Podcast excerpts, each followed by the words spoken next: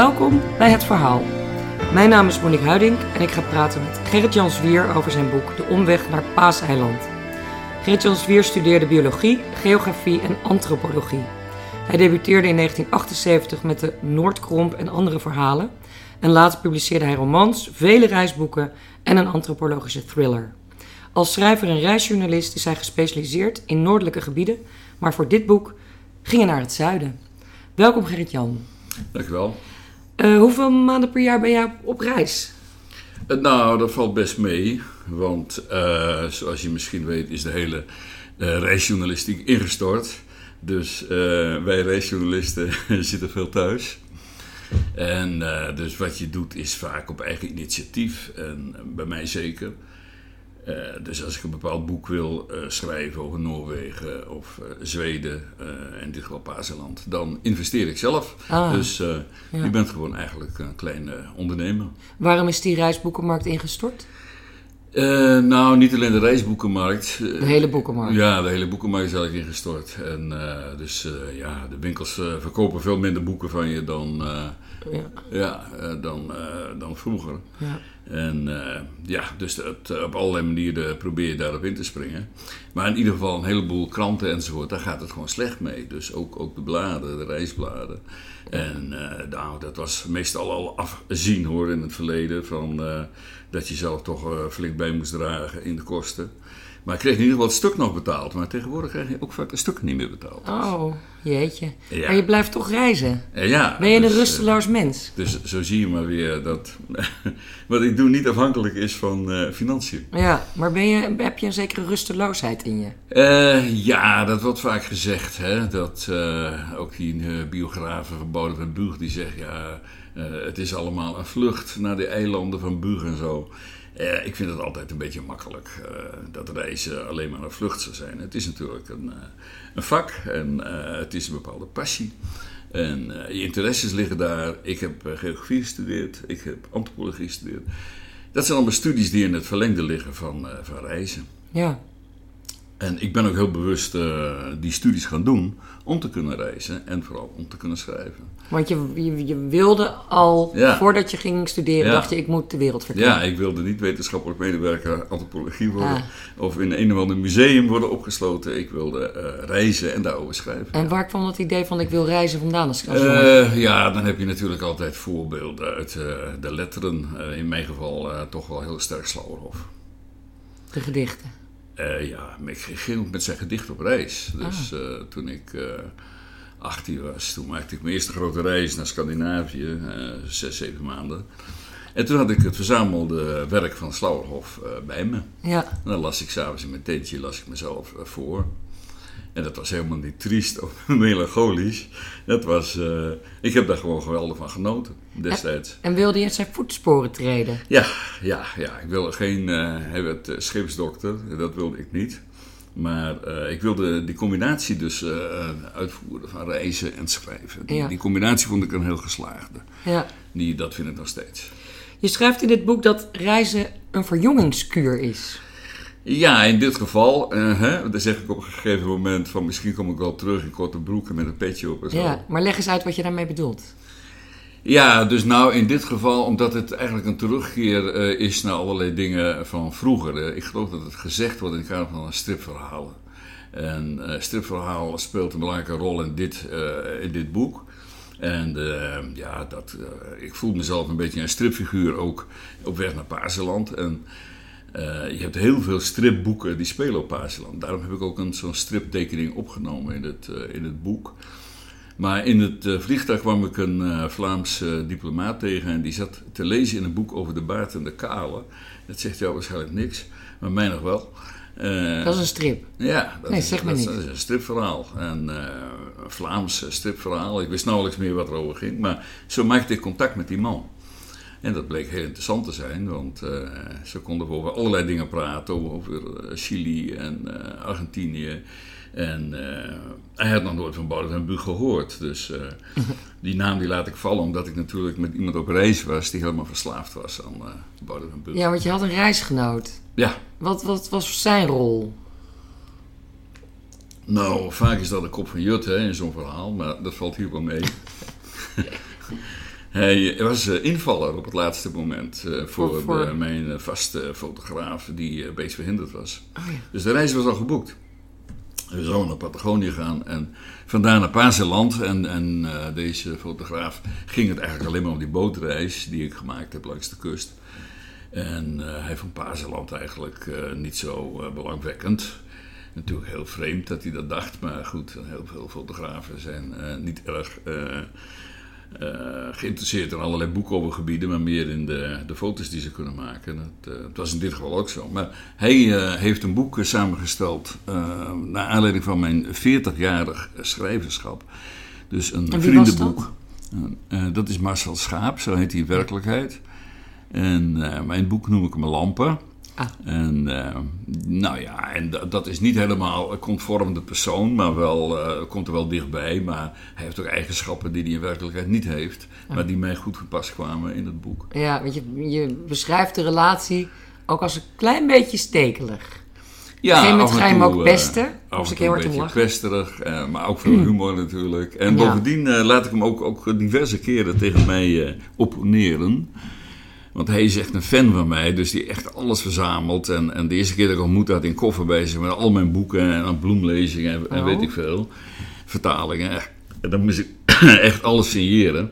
Dat is de eerste ontmoeting geweest. Dus, eh, eh, dus echt een fan van mij. En daar had ik eigenlijk mijn bedenkingen over. Van ja, wat moet je met iemand die alles mooi vindt en ja en amen zegt. Dus ik heb hem in het boek toch meer een, iemand gemaakt die ook tegen mij eh, ja, opponeert, eh, dingen niet met me eens is. En daar kan ik dan weer natuurlijk eh, op reageren. Ja, Want we noemen het literaire non-fictie. Hè? Dus niet alles is getrouw de werkelijkheid. nee, dat is ook het fijne juist. Ehm, maar nog even terug naar de verjongingskuur. Want dat Ja. vond ik fascinerend. Je geeft, als, als, je geeft eigenlijk een theorie in het boek... waarin die gebaseerd is op het, op het fenomeen dat naarmate je ouder wordt... de tijd steeds sneller lijkt te gaan. En in je jeugd lijkt de tijd juist eeuwig te duren. Ja, dat is En dan een- vergelijk je dat met... dat komt omdat je leven steeds meer routine wordt. Dat is de theorie. Ja, Maar als je gaat reizen, ja. dan, maak je, dan kom je weer in een situatie waarin heel veel nieuw is. Ja, ja dat, die theorie is van Douwe Draaisma, hè, de psycholoog. En die heeft een boek geschreven dat heet... eh, ehm, de tijd gaat sneller als je ouder wordt, hè, zoiets. En, eh, en dat inderdaad schrijft hij daar naartoe. Dat, eh, dat, dat gevoel dat komt omdat mensen die ouder zijn eh, verstrikt zijn in een sleur bestaan. En eh, dan holt de tijd met je mee. En, en als kind zou dat dus niet zo zijn. En ik zeg juist, als je reist, dan staat de tijd eigenlijk stil. Die gaat helemaal niet snel. Als je een week op reis bent, nou, is onafzienbaar lang ben je dan weg eigenlijk. Ja, Je hebt een heel ander gevoel daarbij. En eh, dus eh, ja, ik mag daar graag een beetje mee spelen met dat soort eh, ideetjes. ik vind dat een hele... Ik denk, voor mij geldt dat ook. Ik, Ja. ik heb zelf ook, ben ik, ga ik best vaak op reis. Ja, En dat is hetzelfde gevoel. Dat, dat gevoel heb ik ook. Je leeft gewoon veel intensiever. ja Je absoluut. maakt veel meer mee op Ja. zo'n één dag. ja, ja. En in een week inderdaad. Veel afwisselender, ja, ja. Terwijl als je dan weer terugkomt, zoals in mijn geval, dan moet je dit boek gaan schrijven. Ja, eigenlijk dat is ook je- geen straf. toch? Eigenlijk reis je drie keer. Dus je reist, tenminste in mijn, eh, zoals ik het doe, je reist eerst door de boekenkast. Hè. Je moet goed Ja, je voorbereid zijn. eh, heel veel van tevoren. Ja, je heel moet, erg. eh, ik vind niet dat je als een eh voorkomen blank op reis moet gaan. Dat is echt onzin. Dat, dat komt natuurlijk ook door mijn achtergrond dan antropoloog, geograaf. Maar ik, ik wil eerst weten wat anderen over een gebied hebben geschreven. Stel je voor dat je weer precies hetzelfde gaat schrijven. Daar zit echt niemand op te wachten. Oh. Dus eh, je moet niet schrijven wat honderdduizend anderen ook al hebben geschreven. Dus die ambitie heb ik zeker, ja. En dat is ook zo. Dus dit paas, over Paasland is natuurlijk ontzaglijk veel geschreven. Maar hier staan toch weer allemaal hele andere dingen in. En dat komt doordat ik me echt eh, ja, erin ben gaan verdiepen en, eh, en allerlei oude tijdschriften in bibliotheken ben gaan raadplegen. Want er is veel meer over geschreven dan je denkt. Dus er is al veel over geschreven, maar er is nog meer over geschreven. En eh, die, eh, dat is eh, vaak heel interessant, omdat het allemaal mensen zijn die op een bepaald moment daar zijn aangekomen. En dan verslag van doen in allerlei tijdperken. En ja, Paasland was vroeger natuurlijk nagenoeg onbereikbaar. Het ligt echt in, de, in het absolute midden van de stille oceaan. Ja. Heel ver van land. ja, het ligt dus 3000 kilometer buiten de Chileense kust. Ja. De Chilenen hebben daar natuurlijk helemaal niks te zoeken. Nee. Dus het is gewoon onderdeel van Polynesië, dat is volkomen duidelijk. Ja. Maar ja, Polynesië is natuurlijk niks. Dat is geen rijk. Dat is eh, nooit een machtig eh, gebied geweest. Dat zijn allemaal afzonderlijke eh, koloniale eilanden. En die later een paar zijn onafhankelijk geworden. Dus Pazeland ja, drijft er in zijn eentje verloren rond. En er, zijn, er is dus ook een onafhankelijkheidsbeweging op. Nou Oh ja, daar heb ik dus ook eh, mijn gedachten over. Van, Ja. mijn lord, wat wordt dat voor een natie als ze onafhankelijk zou worden? Ja. En dat ook nog gekant zijn tegen toerisme. Nou, dan houdt het helemaal op. Dan hebben ze helemaal geen inkomen meer. Nee. Maar voordat je naar eh Paaseiland ging, Ja, de titel zegt het al, De Omweg, ja. ging je eerst naar eh, Chili en eh, ook helemaal naar het zuiden van Chili, naar Vuurland. Ja. Waarom, waarom wilde je dat combineren? Ehm, nou, het, is, het behoort allemaal dus tot Chili. Dus, eh, Ja, dat is natuurlijk waar. hè, het is Isla de Pascua, heet het tegenwoordig. Hè? Het Spaanse land in het Spaans. Het is eh, gewoon het, het onlosmakelijk verbonden met eh, het Chileense land.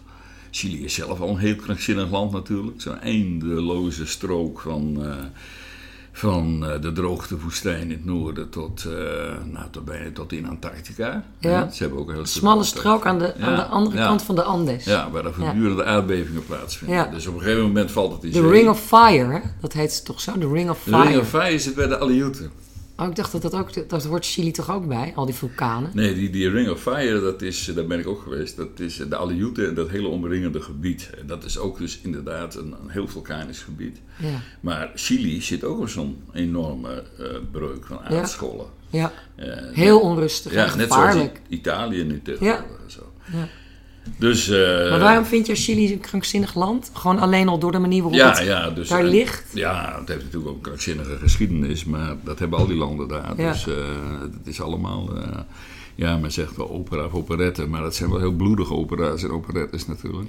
Ja. Maar in ieder Veel geval, slachtoffers ook altijd. en met veel slachtoffers, Ja. Maar in ieder geval, de Chili is nu weer een, een democratie. En, maar dat wil niet zeggen dat Paaseiland onafhankelijk wordt. Dat eh, zit er echt niet in. Maar waarom ging je naar Vuurland? Want je gaat dus eigenlijk altijd Ja, naar het nou, noorden. Ja, nou, maar kijk, dit is gewoon het omgekeerde. Ja. Dit, eh, Maar je ging wel in hun zomer.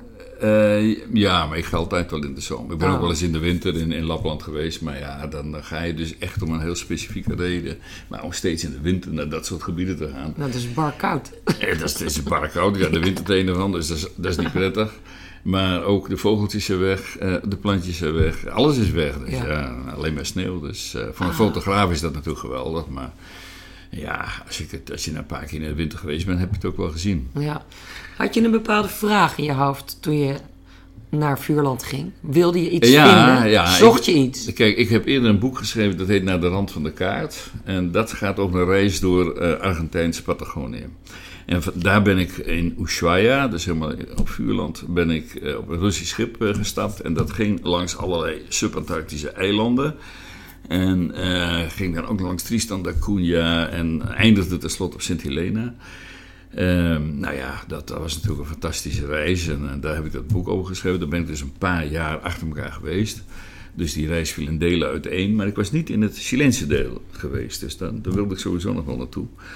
En toen die fotograaf zei van, eh, in het kader van een project dat hij heeft, omdat hij allerlei eh, rare oude postbootroutes eh, fotografeert, wou hij ook die route in langs de Chileense kust Dus fotograferen. het kwam een beetje van lampen, die in je boek lampen worden. Nee, nee, dat is dus die fotograaf die vervangen is. Oh, de dus dit, is de vervanger. Ja. En die moest dus ook de fotografie doen. En gelukkig was dat zijn hobby, dus dat kon ook. Maar die andere fotograaf, dat is Dolf Kessler. Ah, En, en eh, dat die was zit echt dus, zijn idee, dit. eh, dat is op zich zijn idee, Ja. maar Paasland is dus weer mijn idee. Oh ja. Hij had niks met Paasland. Nee. Nee. Ik, laat hem ook, ik voer hem even op in het boek en zo. Dat, eh, hij zegt, waarom wil je dan naar Paasland? Of hij zegt, is dat het eiland met die vreemde beelden? Ik zeg, ja. En is, er- is daar verder dan niks te zien? Nee, ik zeg, verder is er niks te zien. Ah, hij zei, nee, dat, dat lijkt me niet. Ja. En die foto's van die beelden, die heeft iedereen al duizend Ja, keer gezien. dat, eh, ja. en je ziet, daar kun je toch weer heel andere foto's van maken nog weer. Met zo'n liggend beeld dat daar bijna verdwenen is. En ja. met zo'n stripverhaal. Er staan ook En- foto's inderdaad in het boek, moet ik even erbij zeggen voor de luisteraar. Maar waar zocht je nou specifiek naar toen je naar Vuurland ging? Eh, Vuurland. Eh, nou ja, kijk, eh, Eh, dat is dus een soort pioniersgebied, hè, een heel ruig gebied. Die zin kun je vergelijken met Lapland en Spitsbergen, dus al die noordelijke streken en Alaska en zo. En, eh, het zijn allemaal een beetje pioniersgebieden waar natuurlijk allemaal vrije jongens naartoe trekken, in het verleden ook altijd. Een beetje wetteloosheid, rechteloosheid ook? Ja, dus natuurlijk veel recht in eigen hand. En uh, nou, hier is natuurlijk een bloedbad geworden, want ze hebben de Indianen allemaal verdreven en een kopje kleiner gemaakt. Dus die schapenboeren en die goudzoekers in Dus dat is eigenlijk een hele trieste geschiedenis. En daar kom ik ook een paar keer ook op terug, van, van uh, wat, wat is er eigenlijk gebeurd. En uh, dus uh, in die zin wilde ik dat zien. En, ehm, uh, en, en, dat was mijn omweg dus naar, naar. Ja, want je schrijft, dat vond ik ook interessant, die, die, die notie. Je schrijft, het historisch-literaire vuurland is interessanter dan de barre werkelijkheid. Ja, vind ik heel vaak, ja. Maar je leest natuurlijk eerst heel veel erover. Ja. En heb je, dan, heb je dat vaker, dat je dan denkt als je eenmaal er bent... nou, ja, ik kan me toch iets moois bij voorstellen. Absoluut. Het zijn ook niet de allermooiste streken natuurlijk, heel nee, vaak. Hè? het is, uh, kijk, er zitten natuurlijk wel hele mooie gebieden bij. Hè? Dat Torres del Paine en zo, echt fantastisch Dat is een heel groot uh, natuurpark. Ja, dat is een heel groot natuurpark. En dat is allemaal dat, uh, dat beeld van die, van die, van die, die bergketen daar en zo. Dat is het icoon van dat park en dat dat is ook schitterend als je daar bent. En dat park zelf is ook heel erg uh, onbetreden en uh, authentiek. Maar, um, maar jij houdt van vogels, toch? En ik hou dus ook van vogels. Maar de, op, op kom je niet echt aan je trekken. Maar ook niet in Vuurland, toch? En Vuurland uh, ietsje beter. Ik, ik, toen ik destijds weer naar Vuurland terugging, was het inderdaad om een hele zeldzame specht te zien. Zo'n hele grote specht. Hoe groot is die? nou, die is groter dan de zwarte specht. Dus dat, dan zijn we wel snel op de 20, 25 centimeter? Ja, ja, ja. ja Halve ja, meter? Ja, nou, misschien niet overdrijven, maar 40 centimeter is hij wel. Ja, dat is best En dat is dus een geweldig beest en uh, die ook heel nadrukkelijk aanwezig is. Alleen je moet hem eerst zien te vinden. Dus dat was een van de redenen waarom ik daar naar terug ben. Dat loopt ook een beetje in dit boek nog door. Want Ja. de- deze jongen die ik bij me heb, die wou hem dus ook fotograferen. Maar zo makkelijk is dat Nee, niet. nee, tuurlijk. Dat is een zeldzame, zeldzame ja, ja, je moet hem echt opzoeken. Ik heb er toen een week voor uitgetrokken om hem te vinden. Dus, Maar ging jij nu terug voor die specht? Nee. Of voor iets Nee, anders? nee, nee, omdat hij dus, wat ik al zeg, een fan van mij is, wil hij die specht zien natuurlijk. Hij wil alles zien wat ik gezien heb. Maar wat wilde jij daar dan vinden? Nou, ik ben dus geïnteresseerd in, in gewoon de cultuurgeschiedenis van het gebied, dus als antropoloog. En ik, ik beschrijf ook die indianen die daar dus, eh, Dus de- voor die de- mensen. Ja, dus eh, inderdaad. Eh, dat zijn de mensen, maar ook inderdaad de geschiedenis. Het is een hele ruige geschiedenis. En eh, vandaar ook dat ik altijd... eh, al een museum bezoek en zo, natuurmusea, maar ook eh, historische musea. Want er Ja. zit een heleboel van de geschiedenis, eh, ja, die zit daarin. Ja, en wij Nederlanders hebben daar natuurlijk heel veel mee te maken met... eh, Hoe dan? Nou, al die ontdekkersreizigers. Dus Paaseiland zelf is de Jacob Roggeveen ontdekt. Een Maar, Nederlander? maar al die Nederlanders... In eh, 1722 al? ja, dat was eh Roggeveen. Ja. Notaris uit Middelburg. Eh, onwaarschijnlijke figuur, maar eh, ja, eh, dat is toch historisch. Maar waarom zijn... Ik heb zelf, als ik op reis ben, waar dan ook ter wereld... Ik ben veel in Zuid-Amerika geweest ook. Op de meest rare plekken kom je altijd Nederlanders tegen. Ja, Altijd. Hoe kan dat toch? Duitsers ook. Ook Duitsers, ja. Maar ook altijd Nederlanders. Ja. Ja, Nederlanders, maar die die hebben datzelfde als de? Duitsers. Die, gaan de- die willen toch altijd dingen onderzoeken. En die willen dingen bekijken. En eh, dat is nog steeds zo. Dus ik heb ook een heel hoofdstuk alleen maar over Nederlandse schrijvers, Ja. over, over Paaseiland. Dat is opmerkelijk Ja. Hoeveel er over geschreven is. En eh, in allerlei tijdsgewrichten eh, gaan die Nederlanders daarheen en, en schrijven erover. Dus eh, daar heb ik een speciaal hoofdstuk van gemaakt. Ja. Maar natuurlijk zit mijn Slauerhoofd er ook weer Ja. prominent in, want hij heeft ook over Paaseiland eh, gedicht en geschreven. En dat heeft ook weer hele interessante achtergronden, want er klopt niet veel van wat hij zegt, maar het blijft toch interessant. Ja, want hij beschrijft een Fransman. De dood van, Ja. heb zijn naam. heb Ja, de Dutroux Bornier heet hij, ja. Dutroux Die heeft daar enorm ja. huis gehouden. Ja, die heeft een enorm huis gehouden. Hij, hij ziet het als een soort held. En eh, een beetje zoals Buger het ook zou beschrijven, zeg maar. Maar het is eigenlijk een, helemaal geen held. Het is gewoon een, eh, een koloniale eh, kleine geest die de, de mensen onder de plak hield. In welke tijd speelt, zat hij daar? Eh Dutroux Bornier, dat is dus eind eh, 19e eeuw. ja. En die is uiteindelijk Vermoord. dood. Hij is vermoord door de... En dat zijn, er zijn twee verhalen over. Ja. Hij is waarschijnlijk gewoon vermoord, Ja. maar hij zou van zijn paard zijn gevallen. Dat zegt Slauerhoff. En, eh, ja, ik geloof het wel hè, dat hij dat zegt. Ja. Ik, heb daar die verschillende verhalen van, van die Pinaar, want dat is eigenlijk... eh want Slauerhoff is weer gebaseerd op bepaalde bronnen. En die stonden in de aarde en het volken. En dat is een oud tijdschrift en zo. En, eh, en dat stuk is afkomstig van een Franse antropoloog die daar geweest is. Ja. En, die heeft, eh, en die hemelt die man op. En dat heeft Slauerhoff een beetje overgenomen. Ja. Maar in werkelijkheid is het dus helemaal niet het is historische beeld. ja. Nee. Dus eh, je moet daar erg mee oppassen met dat soort Ja. eh, bronnen. Maar wel leuk dat je dat zo... eh, dus door dat hele boek heen citeer je eigenlijk ook allerlei... Ja. ja. van je voorgangers. En ook inderdaad eh, vanuit de 18e en 19e eeuw. Ja, ja, ja. En dus dat meandert zo'n beetje, die er- reiservaringen van hen... ja, weef je Ja. mooi door je eigen, door observaties ja, heen. Ja, ja, inderdaad. Ja. Ja. Ehm, nog even naar die, eh, naar die Nederlanders. Want die waren dus vroeger ook waanzinnig reislust, reislustig, al. Ja. Er zit op een of andere manier een soort van oude jager-verzamelaar in ons of zoiets... die dan het fijn vindt om erop uit te trekken. ja. En eh, dus je noemde het al, Jacob Roggeveen ontdekte Paaseiland in 1722. Hoe kwam hij daar in vredesnaam... Het is echt, ligt echt in the middle of nowhere van de oceaan. Hoe kwam hij daar terecht? Ja, dat is een hele geschiedenis. Ehm, de- ik, eh, ik, ik vertel wel iets eh, over hem, maar er is een hele biografie verschenen hè, van Jacob Roggeveen, van Roelof van Gelder. En, en eh, die weet eigenlijk ook heel weinig over hem. Dat is ook erg lang geleden natuurlijk. Ja, maar die, die- Er waren weinig notities ook, geloof ja, ik. Hè, van, ja, eh, ja, dus hij had weinig bronnen ter beschikking. ja. Maar goed, dat reis, eh, en dan had hij zelf geen eigen reisverslag gepubliceerd. Dat is dus ook een, eh, een handicap. Ja. Wel anderen die op dat schip zaten, maar hij zelf niet. En, en, nou, en dat is ook in beslag genomen wat hij had genoteerd enzovoort. Die schepen zijn in beslag matroos, genomen. eh, een Ja, dat was een matroos. Ja, ja, een Duitse. Een Duitse Ja. lichtmatroos. Die heeft daar een heel verhaal over gepubliceerd. En daar zit ook wat, wat dichttoemend waarheid in natuurlijk. Hè. En, eh, maar in ieder geval dus Die deed wat- ook al aan literaire non-fictie, denk ik. Nou, nou, het was... Ja, want hij heeft ook daar zelfs een gedicht over geschreven. Kijk, Dus, ah, schitterend. ja, ja. Schrij- Reizen en schrijven gaat, ging Ja. ook in die tijd al samen. Ja, ja. Nou, en ze probeerden te verkopen. Hè. Dat was, al die mensen op die schepen, die, ze wouden allemaal eh, die boeken verkopen. Ja, mooi is dat. Het is er niks veranderd wat dat betreft.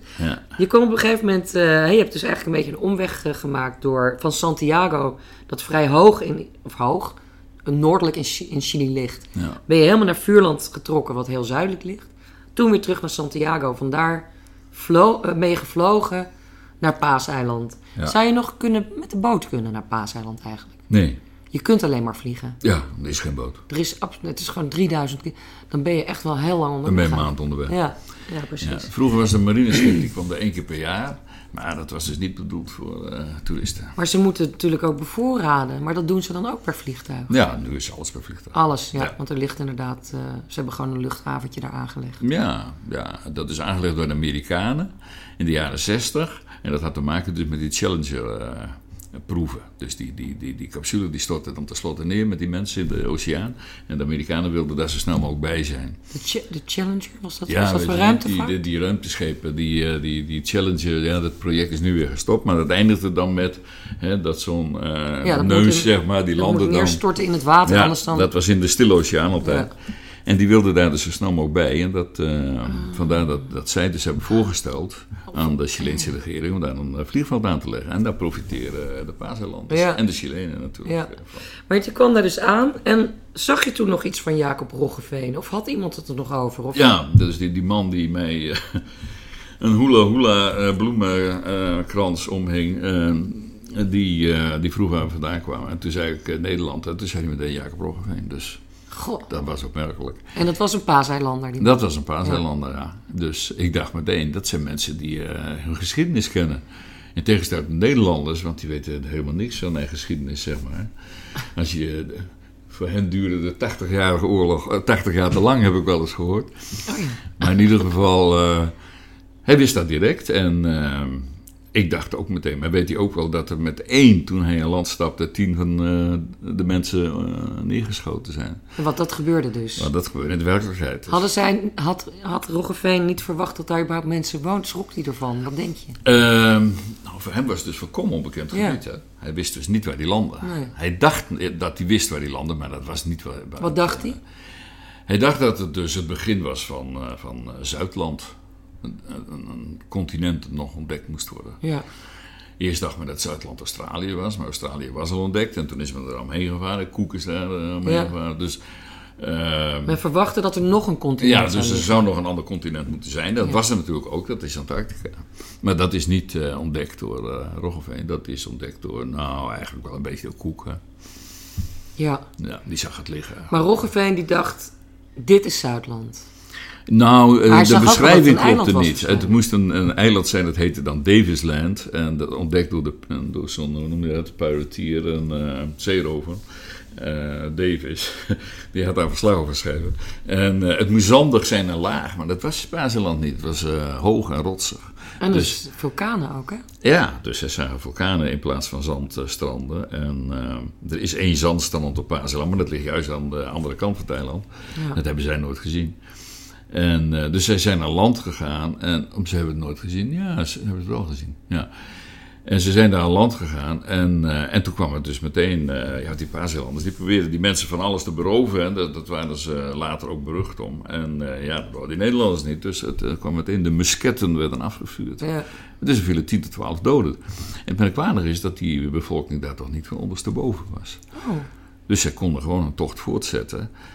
En dat zie je later ook bij Thor Heyerdahl, dat het dochtertje van de burgemeester verdrinkt. Thor Heyerdahl is een antropoloog? Ja, dus de, de archeoloog eigenlijk. En die is ook op pa die, die heeft is een boek dus geschreven. een heel beroemd boek over uh, Paasland ja. geschreven, Aku Aku.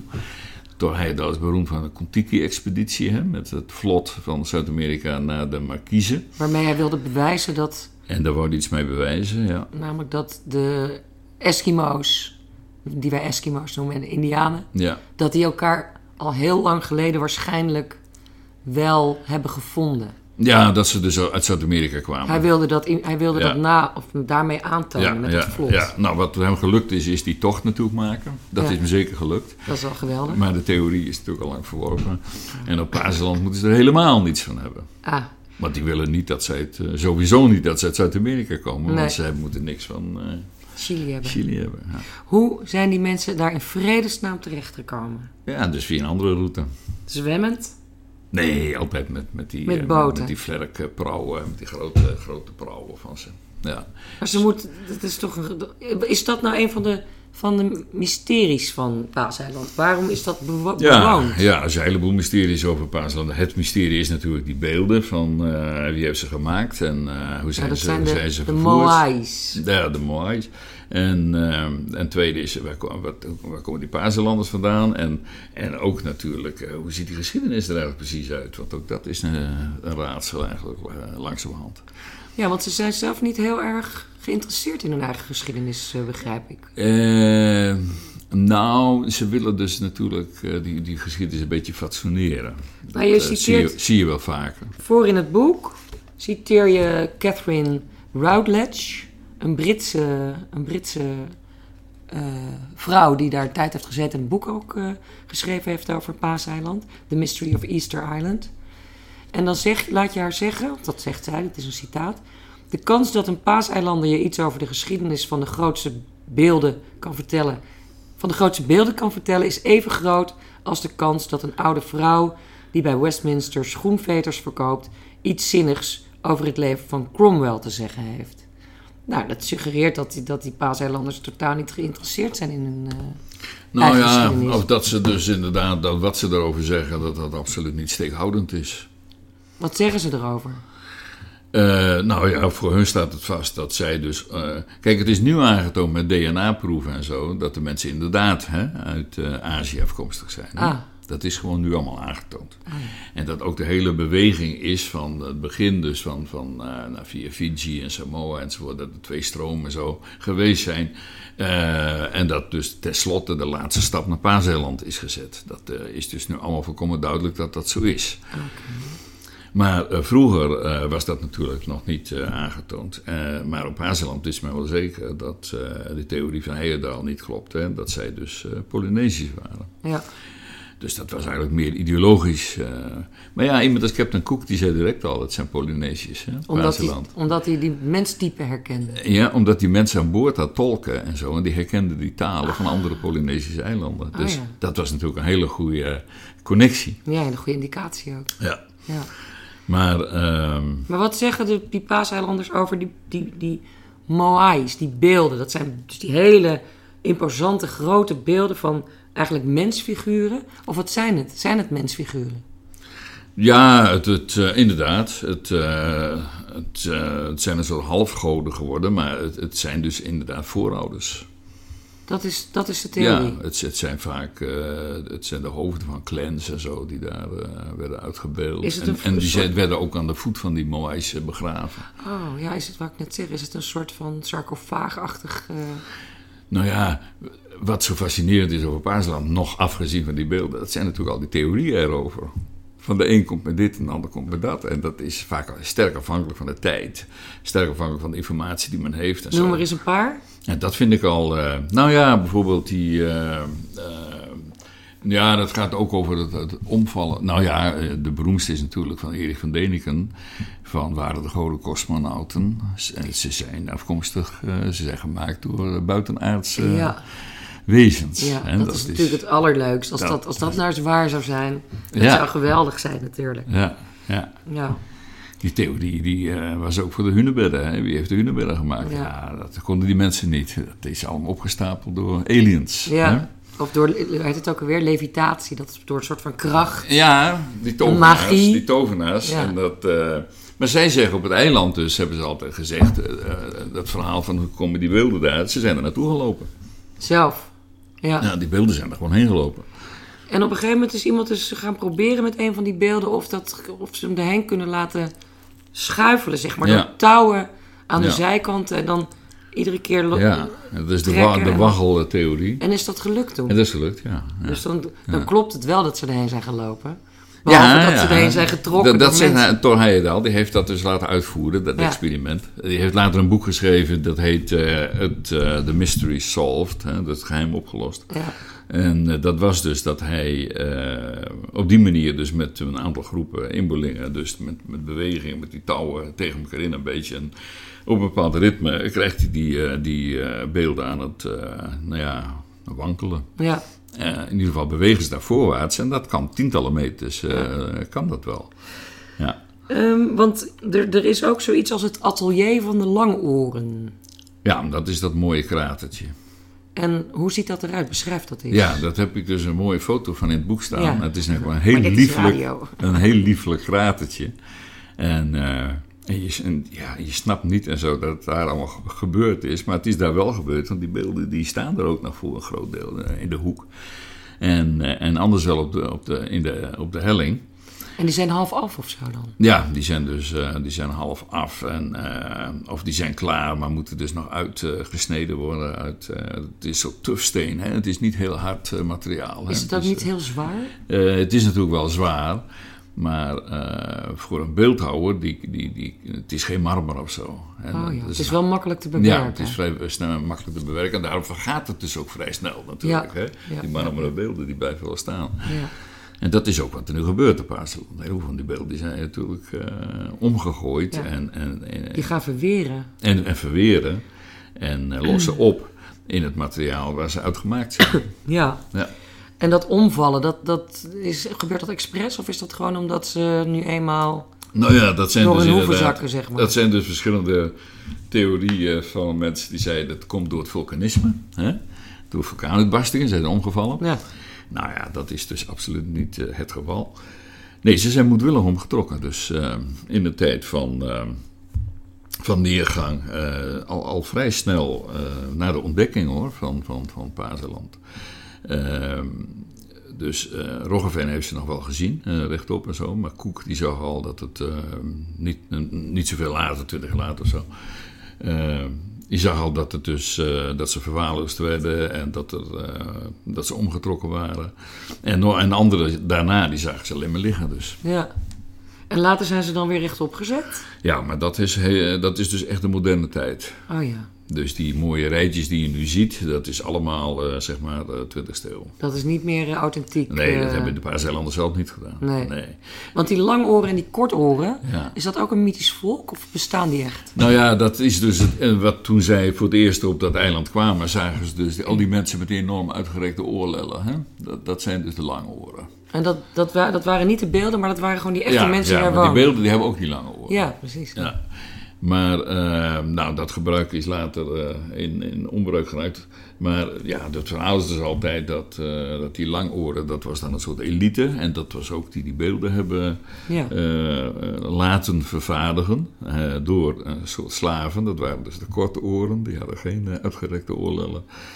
En, en die zijn dus later in opstand gekomen en hebben die lange oren uitgeroeid. ja. En da- daar is dus allerlei. En dat gaat eh, Thor Heyerdahl ook volledig in mee hoor. Dat dat allemaal waar is enzovoort. En ook anderen, ook antropologen, etnologen, die vertellen het hele verhaal. En dat dat dus in een tijd van neergang gebeurde. Dat er cannibalisme heeft plaatsgevonden enzovoort. Maar tegenwoordig wil men daar dus niet meer van weten. Dat is niet goed voor het imago. Ja, dat denk ik. Ja. Want men leeft nu van massatoerisme. Ja, ja, het cannibalisme dat gaat er niet meer in daar. Nee. Dat, eh, Eh, Maar ja, er zijn dus wel mensen geweest die al die oude mensen eh, nog geïnterviewd hebben. Dus eh, die nog leefden in de 19e eeuw. En die vertellen daar zonder schroom over. En eh cannibalisme maar er was ook geen vlees natuurlijk. Nee, er was ook... Er was, eh. Schapen, een paar schapen. Ja, nou, die zijn er pas later gekomen. Maar wel ook in de 19e eeuw trouwens, ja. Want wat, wat eten ze daar? Wat, wat, wat groeit daar? Nou ja, ze maken hun eigen tuintjes. Hè? Dus met eh zoete aardappelen en, eh, wat, en hoe heet het... eh, nou, al die, al die knollen daar uit dat gebied.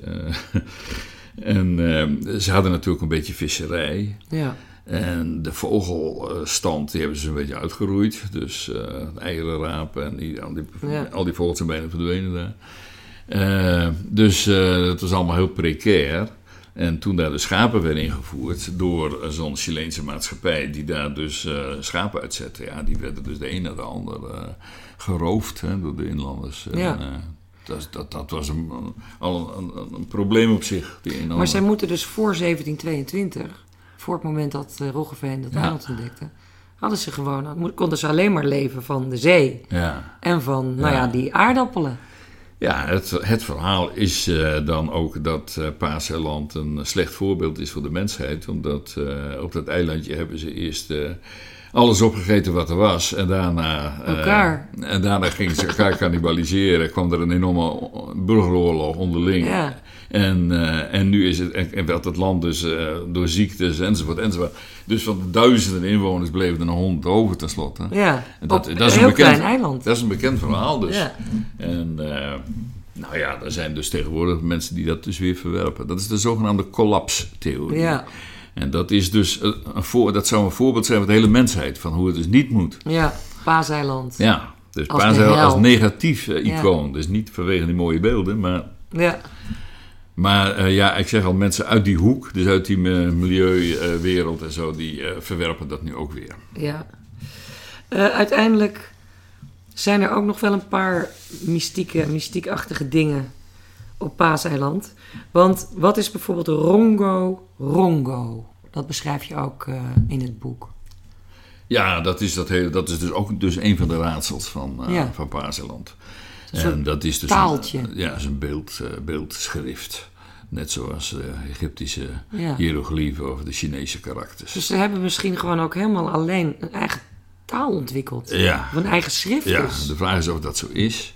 Of het ook niet eh, gebaseerd is op de eerste ontdekkingsreizigers die daar kwamen. Die wel dus een geschreven taal hadden. Ja. Dus de Spanjaarden met name.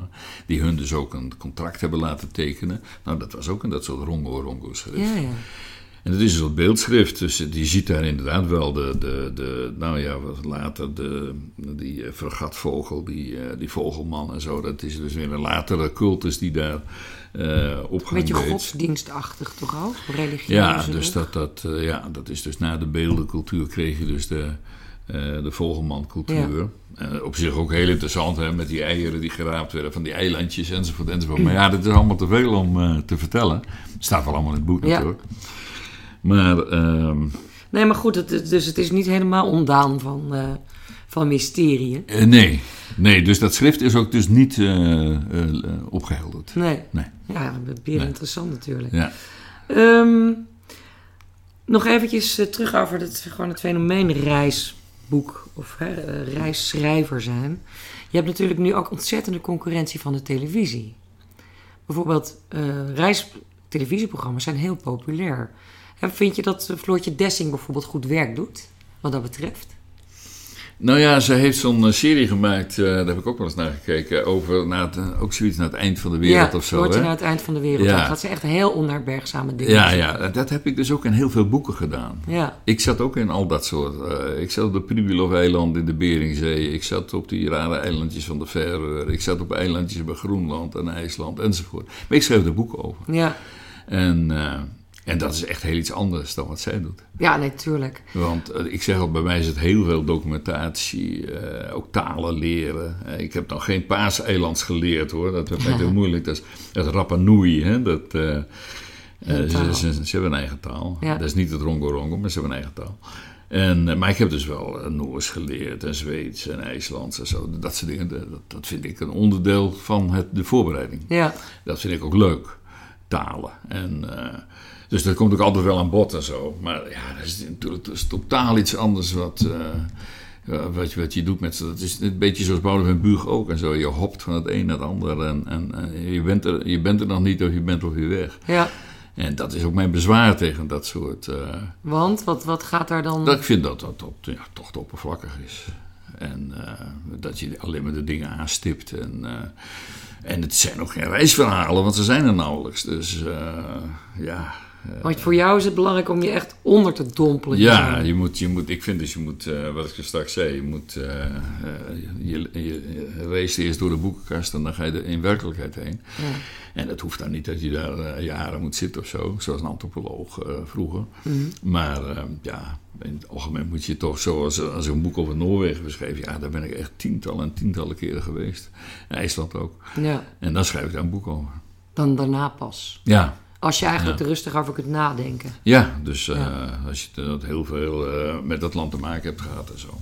Maar ja, dit is meer een soort avontuurlijk uitstapje. Hè? Ja. Het, is, uh... het, is heel, het is ook een heel leuk boek. Oké. Okay. Het is ook, het leest, het is ook Ja. grappig. Ik heb een paar keer echt hard moeten lachen. Ja, dat is ook de bedoeling. Ja, Ik, ik zie mezelf als een humoristisch schrijver. Het is ook een beetje dagboekerig. Ja. Als in eh, van we gaan nu met een vliegtuig Ja. en je bent met die lampen de hele tijd bezig. Het is, En, gewoon, eh, het is gewoon chronologisch. Ja, precies. Ik spring wel af en toe natuurlijk heen en weer zo, maar de opzet is ja, chronologisch. ja, ja.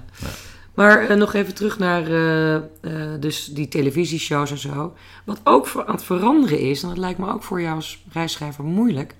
Je kunt bijna overal heel makkelijk komen. Met één muisklik heb je een ticket geboekt in je hotel en de auto staat ook al voor je klaar. Ja. Vroeger was reizen natuurlijk veel avontuurlijker als in gewoon moeilijker te organiseren of voor elkaar te krijgen. Dat mensen met vrachtschepen moesten meegaan. Ja. In plaats van even lekker met het vliegtuig of Ja, noem maar op. Maakt het, dat, dat is eigenlijk mijn, mijn, ook mijn laatste vraag aan jou. Maakt, het zijn twee vragen. Is daarom het reizen eigenlijk minder leuk geworden? Vraag 1. Omdat je overal, heb je ook wel massatoerisme. Iedereen komt overal inmiddels. En de tweede vraag is, is het moeilijker daarom aan het worden om daar ook een origineel boek over te schrijven? Ja, ik, ik speel daar ook een beetje mee. Hè, met die, eh, ik, eh, ik laat hem, eh, mijn reisgenoot, ook zijn, zijn tas uitpakken in die hut.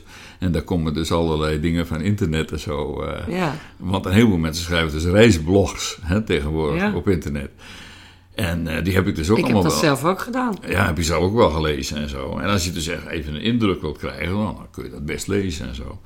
Maar dat is, dat is niet genoeg voor zo'n boek. Dat, Nee. eh, voor, voor een reisboek. Dat, eh, dat moet toch wat eh, ja, in de, de lengte en de breedte en de hoogte gaan. En, dus nu en dan kun je het best gebruiken. Maar waar ik bijvoorbeeld bang voor was, op een gegeven moment, ik zeg, het zal toch niet zo zijn dat je Paaseiland komt en dat je geen beeld meer zult zien, want het is omringd door een horde mensen die selfies zitten maken.